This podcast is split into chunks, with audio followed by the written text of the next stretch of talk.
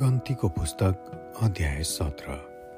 हारुनको लौरोमा कोपिला लागेको परमप्रभुले मुसालाई भन्नुभयो इजरायलीहरूलाई भनेर तिनीहरूका पुर्खाका कुल कुलबाट एक एकवटा गरी बाह्रवटा लौराहरूले र तिनीहरू हरेकको नाउँ तैँले तिनीहरूको आआफ्नो लौरोमा लेख्नु।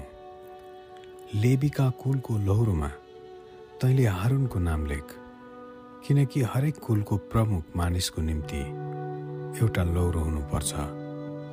भेट हुने पालमा गवाई पार्टीको सामुन्ने। मैले तिमीहरूसित भेट गर्ने ठाउँमा ती राखिदे। जुन मानिसलाई म खो रोज्छु त्यसको लौरो टुसाउनेछ यसरी इजरायलीहरूले तेरो विरुद्धमा सुनाउने गनगनमा बन्द गरिदिनेछु। तब मुसाले इजरायलीहरूलाई यो कुरा सुनाए। र तिनीहरूका नायकहरूले आआफ्नो पुर्खाको कुल अनुसार हरेक कुल नायकको निम्ति एक एकवटा गरी बाह्रवटा लौराहरू तिनीहरूलाई दिए। हारुनको लौरो पनि तिनीहरूका लौराहरूका बिचमा थियो। मोसाले ती लौराहरू लिएर गवाई पार्टीको पालमा परमप्रभुको सामुन्ने राखिदिए। भोलिपल्ट मोसा गवाई पार्टीको पालमा गए। अनि लेवी घरानाको निम्ति राखेको हारुनको लौरोमा कोपिला लागेको रहेछ र कोपिला लागेर फुल फुलेको र हाडे बदाम पनि पाकिसकेको रहेछ।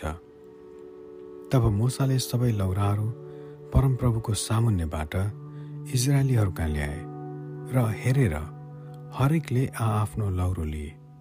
परमप्रभुले मोसालाई भन्नुभयो विद्रोही पुस्ताको विरुद्धमा चिन्हको निम्ति हारुनको लौरोलाई गवाई पार्टीको सामु फेरि लगेर राख र मेरो विरुद्ध तिनीहरूले गनगन तैँले अन्त गरिदे नत्र त तिनीहरू मर्लन्।